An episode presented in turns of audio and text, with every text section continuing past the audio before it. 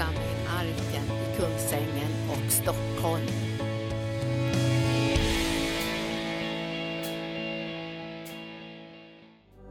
Halleluja Herre, vi bara tackar och prisar dig för vi får vara inför dig Herre, att vi får stå inför tronen, att vi får möta dig från hjärta till hjärta. Tack att vi får höra din röst Herre, tack att vi får se det som du visar oss Herre. Vi prisar dig att vi var ett hjärta, en själ den här kvällen Herre. Tillsammans står vi inför dig Herre, tillsammans rör vi oss med dig i andevärlden Herre. Tillsammans så är vi ett folk som är över och inte under, som är huvud och inte svans Herre. Tillsammans uttrycker vi ditt rike i den här världen Herre. Vi prisar dig för det dyrbara uppdrag som vi har fått Herre. Att visa världen vem du är Herre. Att visa dina gärningar Herre. Att visa din härlighet Herre. Vi prisar dig för församlingen Herre. Din kropp Herre. Din brud Herre. Tack för församlingen i den här yttersta tiden. Tack att församlingen får manifesteras i den här tiden som din kropp Herre. Vi prisar dig för den här kvällen. Tack att du talar till oss Herre. Tack att du rör vid oss Herre. Tack att du leder oss Herre. Tack Herre, i Jesu namn. Amen, amen. Amen. Ja, härligt att få vara här hos er igen. Eh, jag var ju här på eftermiddagen men alla kanske inte var med då. Så jag säger det en gång till, att det är jätteroligt att få möta er på arken. Precis som Linda sa här så känner vi eh, att vi står varandra nära. Vi har liknande DNA. Vi, vi brinner för en stark trosundervisning. Vi brinner för människor. Och eh, vi brinner för, för den helige andes utgjutande och för smörjelse och kraft och härlighet och helande och befrielse och allt sånt här. Det brinner vi för. Så det är härligt att få stå tillsammans med er. Det känns underbart. Jag känner igen många av er. Jag har varit här många gånger så att jag känner mig hemma här. Det känns jätteroligt. Lätt att predika här är det. Öppet, en öppen himmel. Ja, vi, hade, vi har ju nu en liten serie här på två möten som handlar om en pizza. Och vi har ju nu gått in på själva pizzabotten här förra eh, mötet klockan 17. Eh, så ni som inte var med då, ni har ju missat själva botten då. Eh, den är väldigt viktig får jag säga. Och precis som Linda sa så är det så att det blir ingen pizza utan pizzabotten. Det blir bara en stor röra. Va? Röra och skinka och räkor och ost och champinjoner och sånt där. Det är inte gott att få något sånt på tallriken. Även om ingredienserna är goda. Utan botten den gör mycket va, på en pizza. Verkligen. Eh, Så att vi har talat om, om den här nu och vi har talat om omvändelsen som en, en grund, en, en för grundläggande undervisning. Paulus talar om det, om att på nytt lägga grunden. Han är inte så pigg på det. Han tycker att, att han vill egentligen inte göra det. Lägga grunden igen med omvändelse från döda gärningar och sådana här grejer. Men det är några viktiga saker. Och jag ritade en liten bild för er här på eftermiddagen som just visar den här vägen ut ur oss själva och in i Kristus. För att när vi lever i oss själva då är vi en del av en liten berättelse som vi pratar om här. Det är bara lilla jag i hela världen. Det är ungefär som den här tanten sa att, att alla tänker bara på sig, det är bara jag som tänker på mig. Det är den här lite självcentrerade självömkansbilden. Va? Men vi lever inte i självömkan utan vi, vi, vi tror mer på förkrosselse än självömkan. Faktiskt. Självömkan kommer man ingenstans med. Den är outtömligt behov av ömkande. Men förkrosselsen som leder till omvändelse och till, till uppståndelse i ett nytt liv i Kristus, den leder till total förändring. Och det är egentligen det livet jag ska tala om här nu. Ni vet det finns ju sådana här pizzor som har extra av allt. Det kan man köpa i affären, det står extra av allt på dem. Och jag talade om en, en, pizza, en pizzeria här på eftermiddagen som jag gjorde reklam för nu då. Jag behöver nog få lite spons, sponsring från dem då. Den, den ligger tydligen i Piteå, jag har inte varit där. Den heter Gul och blå, heter pizzerian. Och de har uppfunnit en ny pizza förstår ni. som har, som har alla ingredienser som brukar finnas på pizzor i en enda pizza. Och den kallas för vulkanen. Va? För att den liksom exploderar, det är som den exploderar av allt gott som finns i livet, står det till och med i reklamen. Och eh, jag tyckte att det var en bra bild av församlingen, får jag säga. Församlingen som har lagt en riktigt bra grund, alltså en riktig pizzabotten med omvändelse från, från döda gärningar, uppståndelse till ett nytt liv i Kristus. Blir som en vulkan. Den liksom sprutar ut allt gott som finns i Kristus. Det är en riktig Gudsrikespizza skulle man behöva ha på pizzerierna faktiskt. Så att vi skulle tala lite grann om det nu, om extra av allt. Eh, och så. Och det, det, handlar ju alltså om Guds rike då, tänkte jag tala om utifrån ett församlingsperspektiv här. Och det står så här i Lukas 17 och 20. Eh, då Jesus blev tillfrågad av fariseerna när Guds rike skulle komma svarade han dem, Guds rike kommer inte så att man kan se det med ögonen.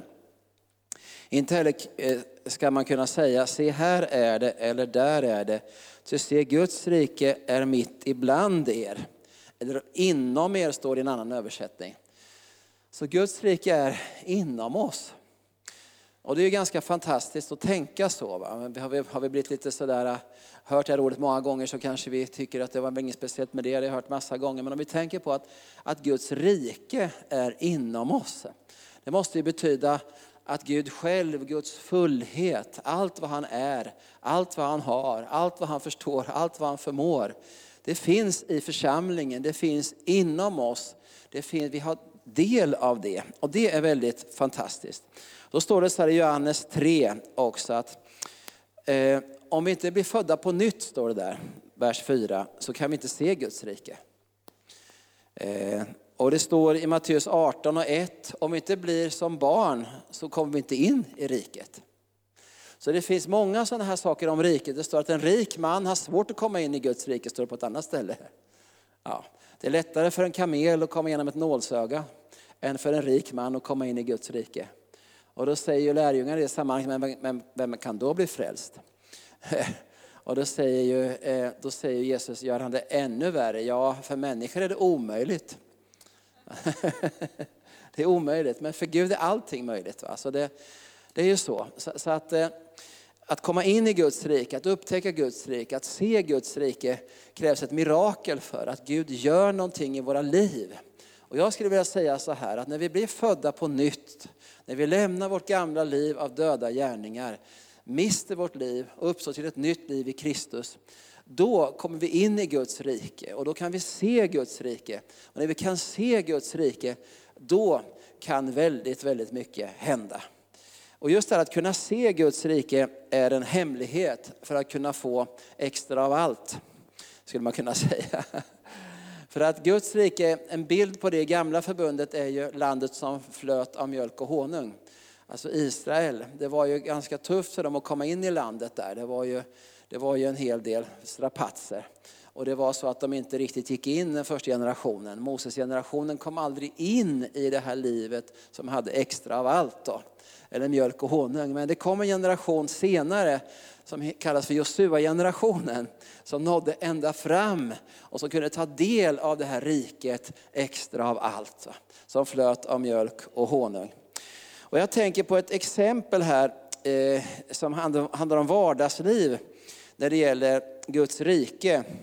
Och det är ju Apostlagärningarna 3 då. Efter att Petrus har predikat pingstpredikan och människor har fått ett stygn i hjärtat. Och eh, 3000 har blivit frälsta och, och så här. Så, så är, de, är ju Petrus på hugget här och Johannes också. Så i Apostlagärningarna 3 så ser vi att de är på väg. Alltså det är vardagsliv nu, det är en vanlig vardag skulle man kunna säga. Och de är på väg, har ett, har ett speciellt, de har ett ärende, de ska gå upp till templet för bönen man ber vid nionde timmen. Och då pågår det här vardagslivet, om man kan kalla det så. Då bar man dit en man som hade varit lam från födseln. Varje dag satt man honom vid tempelporten som kallas sköna porten för att han skulle be dem som var på väg in i templet om en gåva. När han nu såg att Petrus och Johannes skulle gå in i templet bad han om en gåva. De fäste blicken på honom och Petrus sa, se på oss. Mannen såg uppmärksamt på dem och väntade sig att få något. Men Petrus sa, silver och guld har jag inte, men vad jag har, det ger jag dig. Jesu Kristi Nazarens namn, stig upp och gå. Och han tog honom i högra handen, reste upp honom. Genast fick mannen styrka i fötter och vrister. Han hoppade upp, stod upprätt och började gå och följde med dem in i templet. Han gick och hoppade och prisade Gud. Allt folket såg honom gå omkring och prisa Gud och de kände igen honom och såg att det var mannen som brukade sitta och tigga vid sköna porten. Och de fylldes av förskräckelse och förundran över det som hade hänt med honom. Det är ju en härlig berättelse tycker jag. En, en verklig sån här liksom kanon, kanonberättelse eh, som vi har läst många, många gånger. Och jag tänker på det här utifrån ett Gudsrikes perspektiv. Att eh, Petrus och Johannes kommer och går där. De ser den här eh, lame mannen som de bär ut. Och man kan ju tänka att det här var den tidens hemtjänst kanske. Det var sån här eh, LSS eller vad det heter nu för tiden. Man bar ut folk och satte dem någonstans och de fick tigga. Det är ju inte riktigt så vi jobbar nu för tiden. Men det var ett sätt istället för sjukbidrag och sådär. Så, så hjälpte man till med att bära ut dem och sätta dem i någon port. Och så fick man tigga där. Och så. Och den här mannen han förväntade sig ju egentligen bara pengar. Det var det han såg som, som det bästa han kunde få. Han såg inte att han skulle bli helad. Jag tror inte alls att han drömde om något sånt. Utan han, det var bara pengar som fanns i hans sinne. Han förväntade sig att få något av Petrus och Johannes. Och Petrus han säger ju här att, att eh, silver och guld har jag inte, men vad jag har, det ger jag dig. Och jag tänker just på det där ordet, vad jag har, det ger jag dig. Man kan ju tänka på, var det så att Petrus tänkte att jag har en speciell kraft som jag går omkring med här nu som jag liksom ska, ska förlösa på, på den här mannen och så. Jag tror att Petrus, när han kom och gick där så, så var han ju född på nytt. Va? Det var han, det är vi överens om. Han var fylld med den heliga ande. Han kunde se med sina hjärtans ögon. Och jag tror att Petrus, när han såg den här lame mannen, så såg han hur han blev upprest, tror jag. Och jag tror när han handlade på det som han såg i sitt hjärta, när han handlade på det i tro, då kom Guds kraft över den här lame mannen så att han blev helad. Han blev helad, han blev botad. Det var ju som en kraftgärning kan man säga det här som manifesterades mitt bland eh, i den här vardagssituationen. Och då tänker jag på, på vad som hände egentligen då. Det står här längre ner att han hoppade och han eh, prisade Gud och de som kände igen honom såg att det var mannen som brukade sitta där och de fylldes av förskräckelse och förundran står det. Och jag tänker på det där att det är någonting som vi är kallade att väcka hos människor i den här tiden. Nu är vi ju mjuka, gulliga församlingar och sådär och mycket kärlek har vi. Men det finns en ingrediens också, det är att när Guds rike manifesteras så här, då väcker det förskräckelse och förundran. Och jag upptäckte nu för ett tag sedan att jag kom att tänka, jag har inte tänkt på det förut, men en gång så var Dagens Nyheter hos oss i Gamleby och skrev, det var ganska många år sedan, eh, om vårt arbete då när vi hade startat en massa grejer. Då stod det så här Dagens Nyheter, första sidan faktiskt, och ett helt mittuppslag står det så här. Den lilla församling i Småland som väcker förskräckelse och förundran, står det. och där kände jag, det, det är precis så det ska vara. Därför att när Guds rike manifesteras, då bryts naturlagar, då bryts det som människor förväntar sig ska ske. Va? Och då blir människor förskräckta över att det inte var som de trodde. Va? Tankebyggnader bryts, föreställningar bryts, eh, sådana här liksom olika försvar bryts. Liksom allt det där som, som täckelsen som finns över människor bryts när, när någonting händer som inte kan hända helt enkelt. Eh, och det är någonting som är Guds specialitet och som han älskar att göra. Det var det som hände på pingstdagen när Petrus predikade. Han hade sådana kraftfulla ord så att allting bara rasade av, av, av olika fördomar kanske och olika försvar så att de blev, de blev träffade i hjärtat. Och jag tror att församlingen har en kallelse i dessa sista dagar att skaka om Sverige. Att skaka om Kungsängen och Gamleby och Stockholm. Inte bara genom argumentation och sådana där saker. Eh, Petrus var inte så intresserad av att träffa hjärnan i första hand på pingstdagen utan den heliga ande riktar in sig på hjärtan. Så att det liksom träffade hjärtan i det läget. Och det som hände här då, det var alltså att de blev förskräckelse och förundran. Och vet ni vad som hände sen då? Sen blev det förföljelse. Så det här är ett antal F som hände. Var. Förskräckelse, förundran, förföljelse och frälsning blev det sen också. Förskräckelse, förundran, förföljelse och frälsning.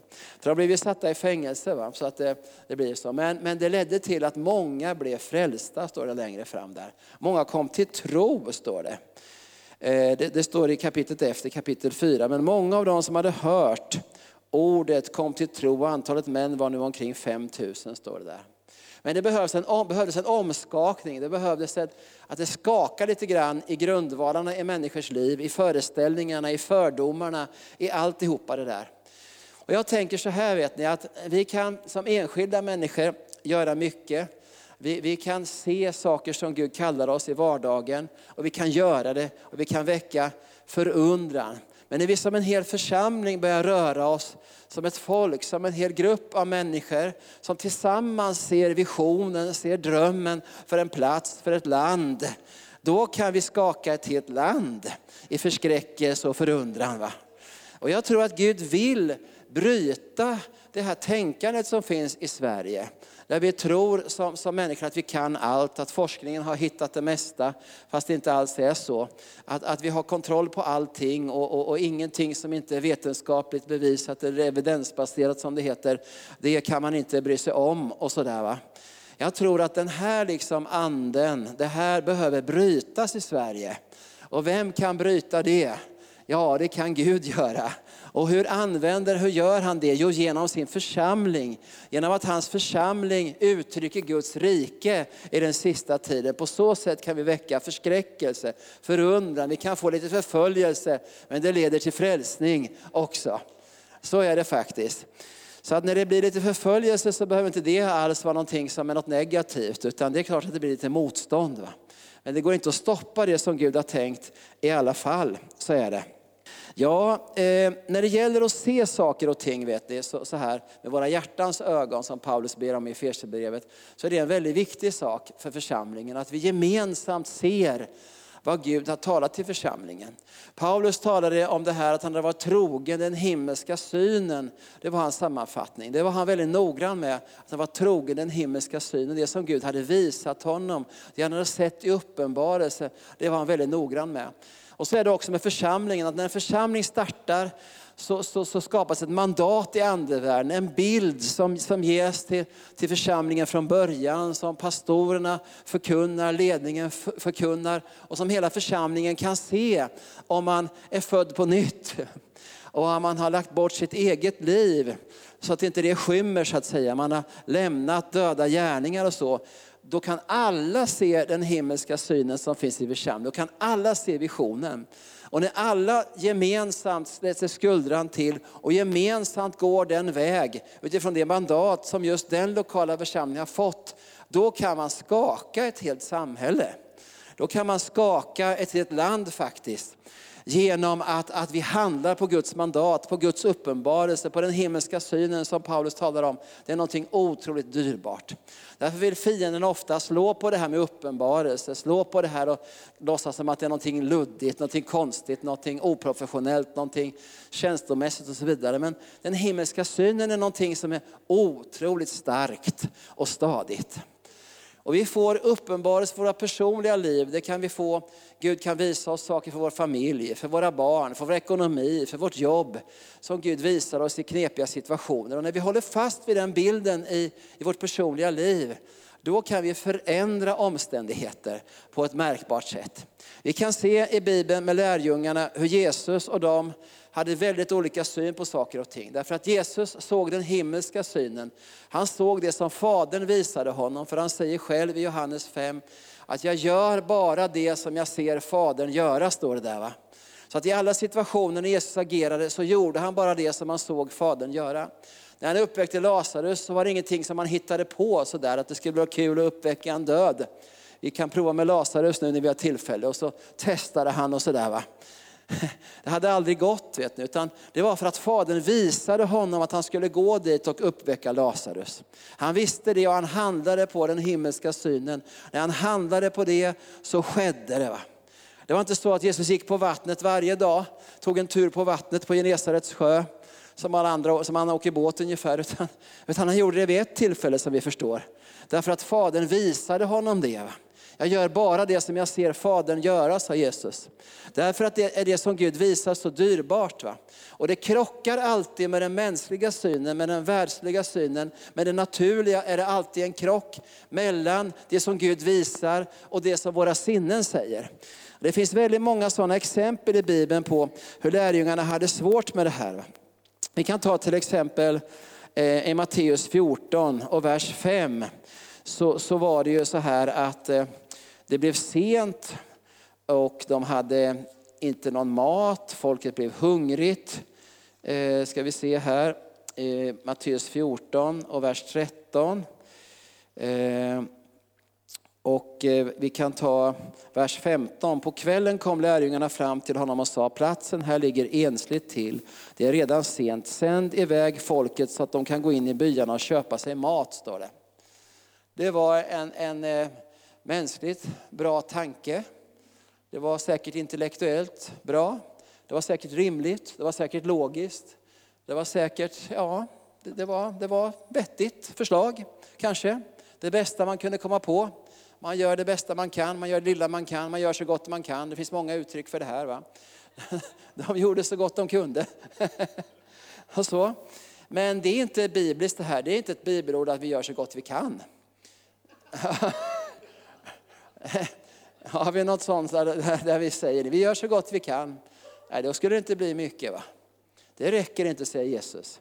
Det räcker inte att vi gör så gott vi kan, utan vi ska göra det som han kan. Va? Det som han kan ska vi göra. Så här, så här försökte lärjungarna göra så gott de kunde. Va? Utifrån sin förmåga, sin intellektuella kapacitet och sina erfarenheter försökte de det. Ja, Jesus sa till dem, eh, de behöver inte gå härifrån. Ge ni dem att äta.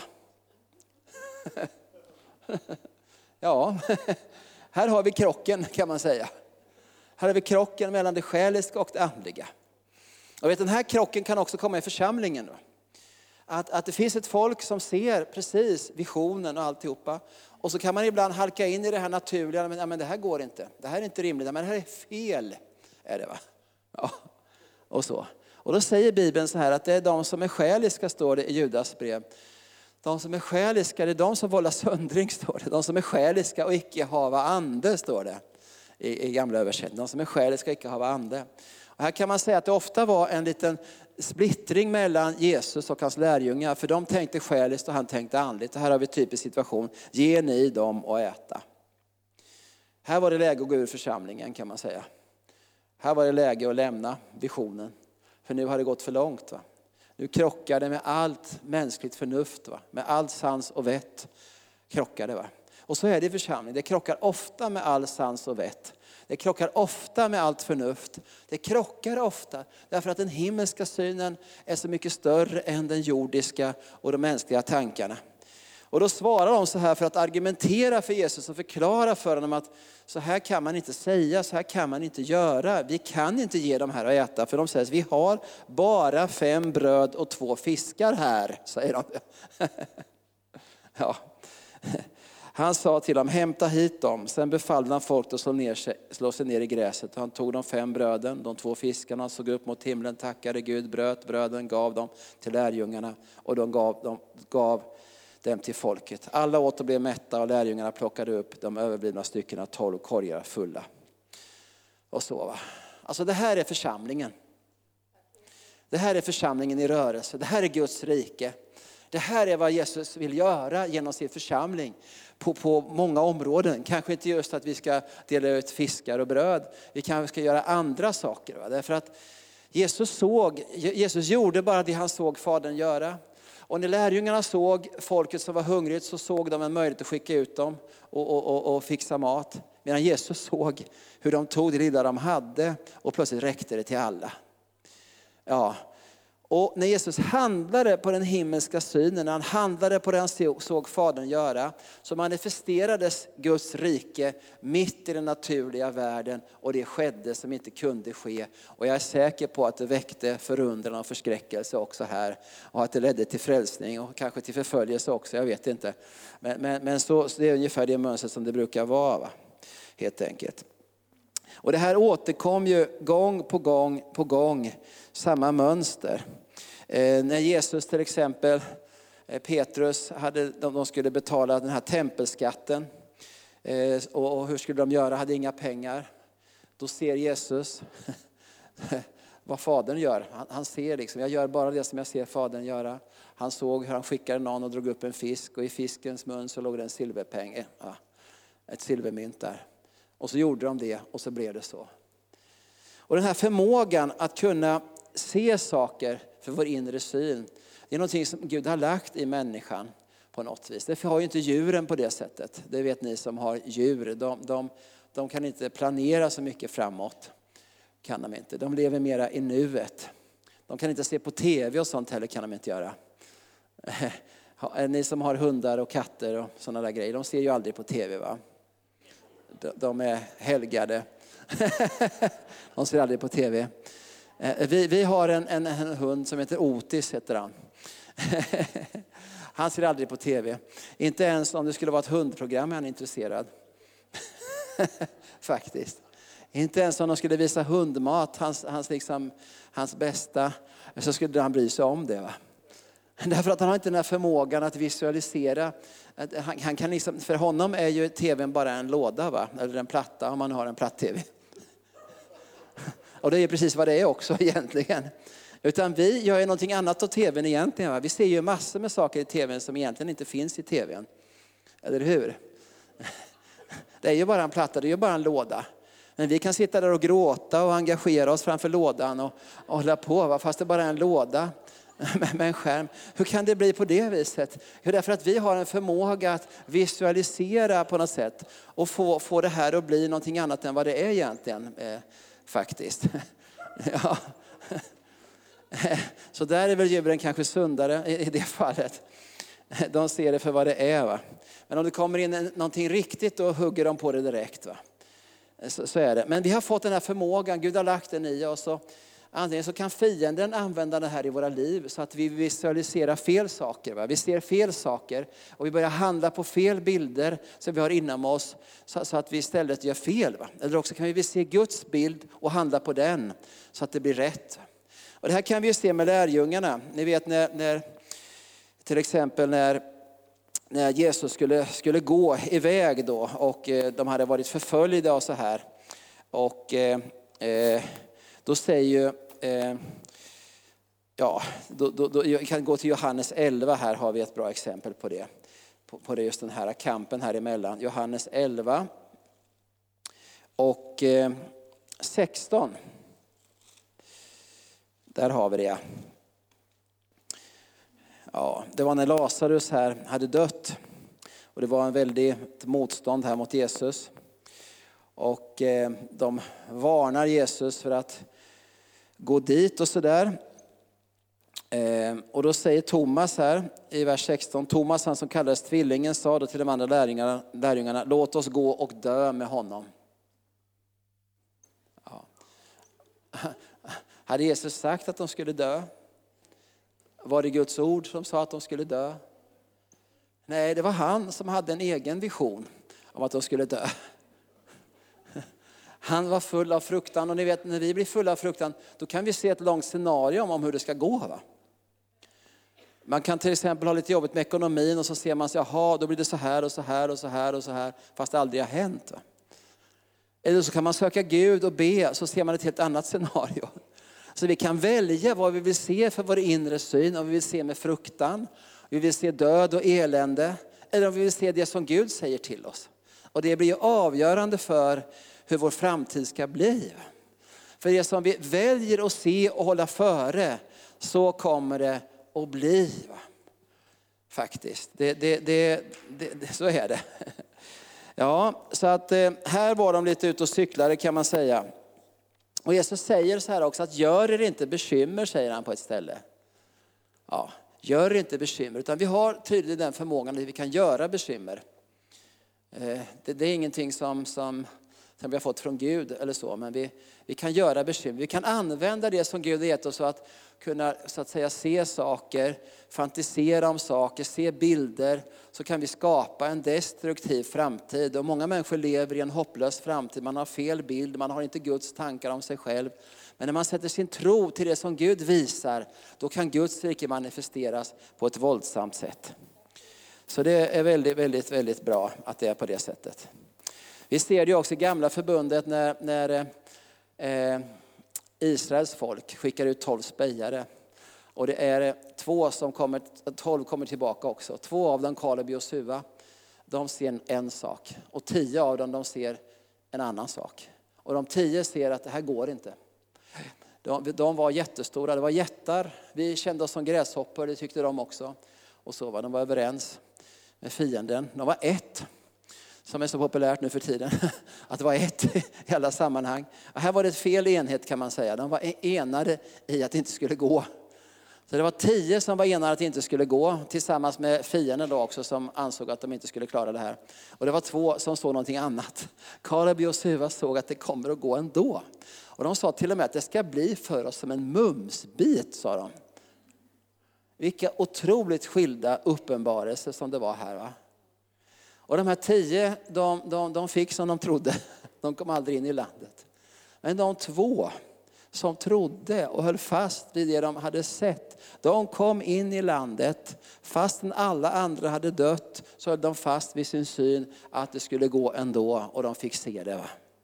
Och jag känner så att vi som Guds folk i våra församlingar, och vi måste hålla fast vid den himmelska synen. Det som Gud har sagt till församlingen från början. De drömmar av väckelse, helande, mirakler, Guds rikes utbredande. Så viktigt att vi håller fast vid det och står enade tillsammans för att det kommer att ske förr eller senare.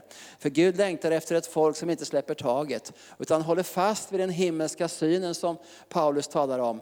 Därför att då kan inget stoppa det som Gud har lovat. Då kommer vi att se extra av allt faktiskt. För Jesus han säger så här att, eh, eh, vi ska se här vad vi har det bibelordet i, eh, eh, ja vad ska vi se, ja, eh, här ska vi se här vad jag hade. Jag hade det någonstans. Det spelar ingen roll var, var det står någonstans. Men, men, men, Jesus han säger så här att Fadern ska låta mig se ännu större gärningar, säger han. Ja. Jag går till Fadern och så. Han ska låta mig se ännu större gärningar. Ja. Och Jesus säger att ni ska göra ännu större gärningar än vad jag har gjort. Och jag, vet, jag tror att, att Gud han har så mycket grejer för oss som, som han visar oss och som vi kanske inte ens vågar sätta vår tro till. För det är långt utöver vad som är rimligt. Men, men om vi vågar hålla före det som Gud visar, om vi vågar titta med våra hjärtans ögon, om vi vågar tillsammans som församling hålla före det som Gud har visat, så kan vi skaka Kungsängen. Så kan vi skaka Gamleby, så kan vi skaka var vi än befinner oss. För att det är inte vi som gör det, utan det är han som gör det. Och jag tänker just på det där att Jesus säger att jag gör bara det som jag ser Fadern göra. Ibland kan vi som människor vilja vara så här som kristna, att vi, vi gör lite annat också som vi tycker är bra. Lite smått och gott som kan vara fint i Guds rike. Men Jesus höll inte på med lite smått och gott och lite fint i Guds rike. Han höll inte på med en liten gullig grej här, en liten gullig grej där som man kunde tycka var bra för kyrkan eller något sånt där. Utan han gjorde bara det som han såg Fadern göra. Och därför är just visionen så viktig i församlingen. Att man inte lägger till, inte drar ifrån, även om det kan tyckas vara fina grejer och så vidare. Utan man gemensamt står tillsammans i den vision som Gud har gett oss. Ja, eh, då finns det faktiskt ingen gräns för vad som kan ske i vardagslivet eller i församlingslivet. Det finns ingen gräns. Verkligen, det finns ingen gräns för vad som kan ske. Och det konstiga är att det går lätt när det är Guds rike som verkar. Tänk när de här brödundret skedde. Var det svårt? Det var lätt. Vad gjorde de för någonting? Var det något svårt de gjorde? Nej, de tog bara lite brödbitar och fiskar och började dela ut. Det var lätt. Det går lätt i Guds rike. Det är inte svårt, det går lätt. Utan man bara vågar tro, vågar hålla före, vågar handla på det så går det lätt. Jag, hade en liten, jag kommer inte ihåg om jag läste upp det en annan gång för er, men jag hade ett litet exempel på, på att det går lätt vet ni, i Guds rike. Det var en kille som skickade till oss på, på Facebook, eller inte till oss på Facebook, om en upprättelse. Han, han, han skrev så här då att var noga med vilka ord du släpper ur din mun. När jag växte upp fick jag höra att jag var ett omöjligt fall, skriver han här. Eh, att jag aldrig kommer att klara mig i livet. Jag försökte fixa mitt liv bara för att visa dem. Men orden och behandlingen jag fått i livet satt för djupt och de fick rätt gång på gång. Jag åkte in och ut ur fängelse hela tiden. Och, och var elak och brutal mot nästan allt och alla, står det här. Ja, det var inget vidare. Jag var ju ett omöjligt fall, så jag kunde inget annat. Han hade fått en bild som han trodde på, att han var ett omöjligt fall. 13 januari 2004 när jag var 36 år fick jag komma till ett behandlingshem i Småland som heter Josua Rehab. När de efter några månader hade sett alla mina sämsta sidor, där jag skrämde och hotade både intagna och personal, slog sönder en massa saker. Jag var ju van att straffa ut mig från ställen eftersom jag ändå var ett omöjligt fall. Då fick jag höra att jag var, att jag var ett lätt fall.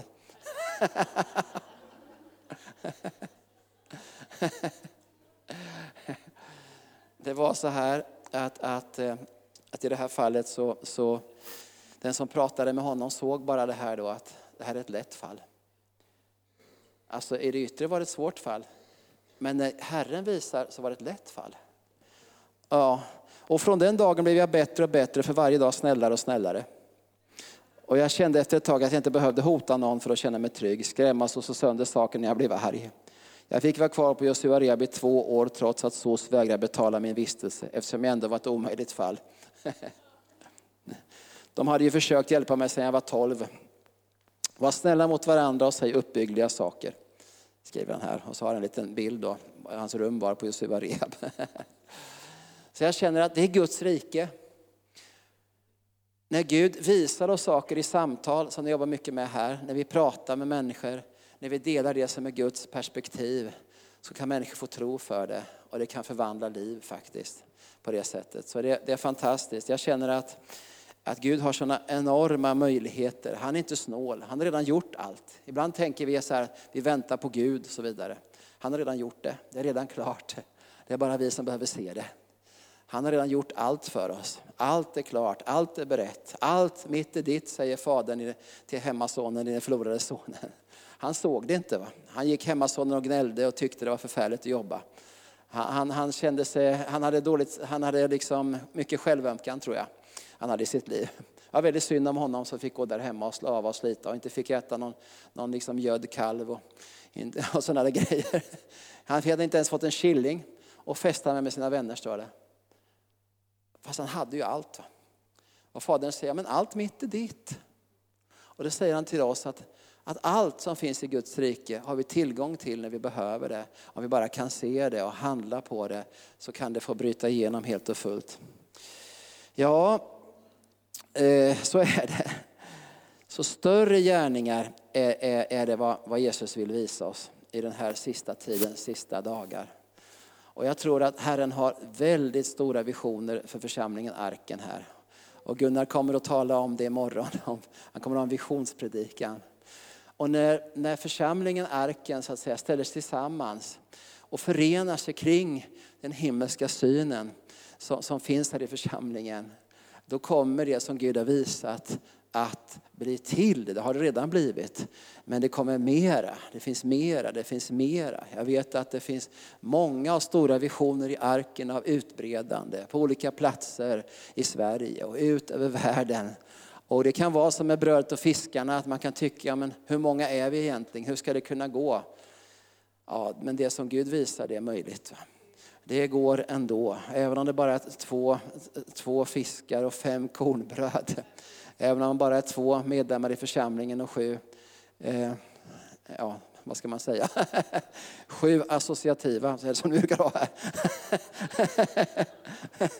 ja, just det. Så går det med det man har. Va? Så är det, det går att bryta igenom. Så att eh, eh jag vill bara uppmuntra er som församling här att gå i tro. Håll fast vid visionen. Stå tillsammans. Låt inte fienden få sådana här bilder som Thomas hade här av att låt oss gå och dö med honom. utan, utan låt oss hålla före det som Gud visar. För att det kommer sådana tider när det ser lite omöjligt ut, när det ser ut som omständigheterna säger tvärtom. Det är normalt och det är nyttigt för oss. För varför lät Jesus lärjungarna komma i sådana situationer hela tiden? Kunde han inte gjort det lite lättare för dem? Var han tvungen att dra ut dem i ödemarken och hålla på så länge så att alla blev hungriga? Var det nödvändigt? Kunde han inte liksom varit lite, liksom lite, lite mer förstående? Va? Att det här var vanliga människor som inte orkar med hur mycket som helst. Va?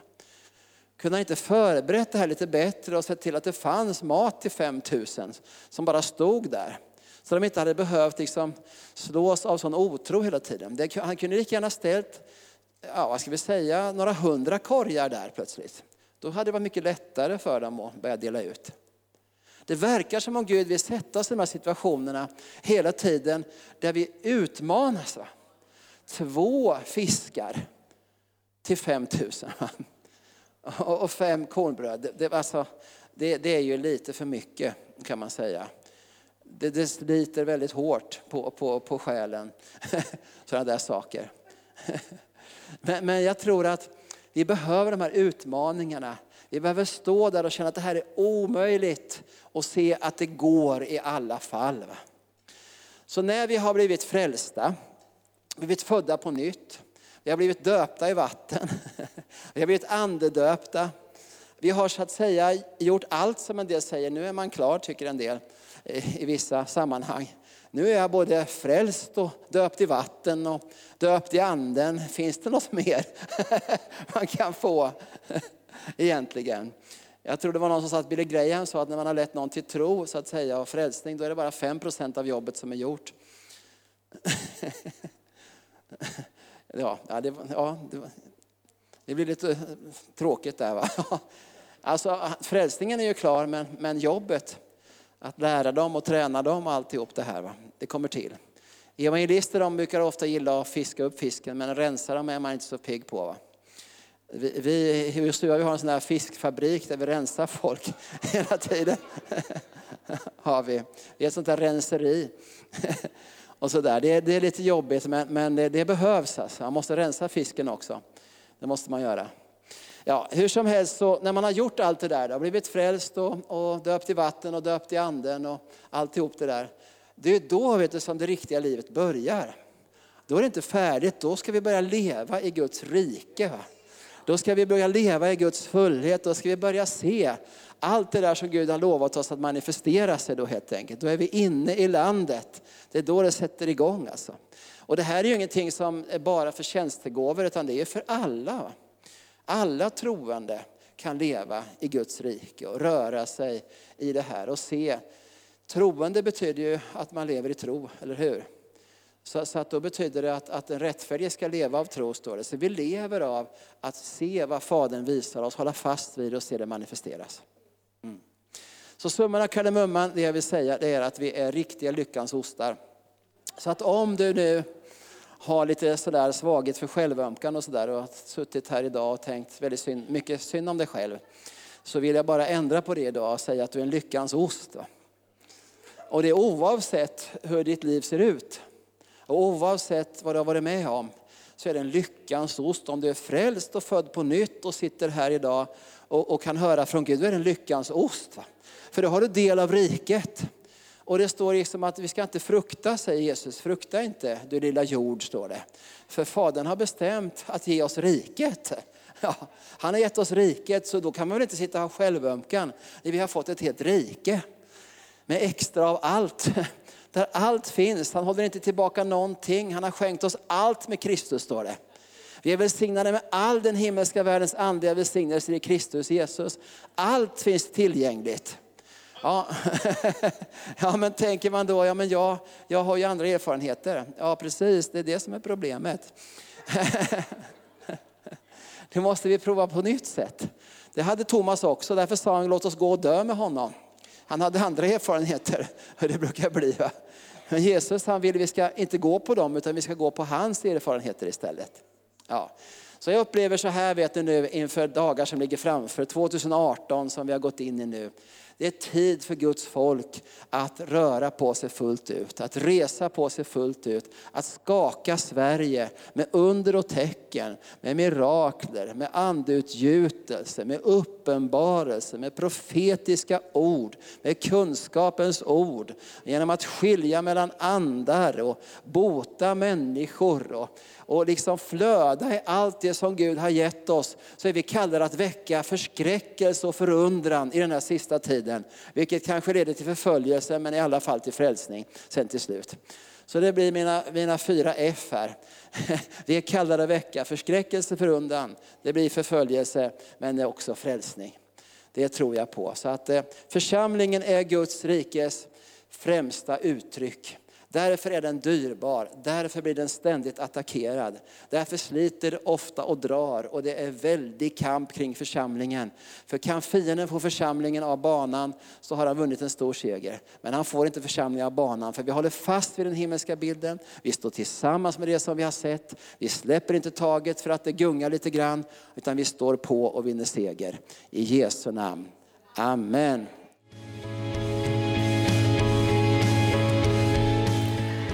För att du har lyssnat. Vill du få del av mer information om församlingen Arken, vår helande tjänst, bibelskola och övriga arbete, gå in på www.arken.org.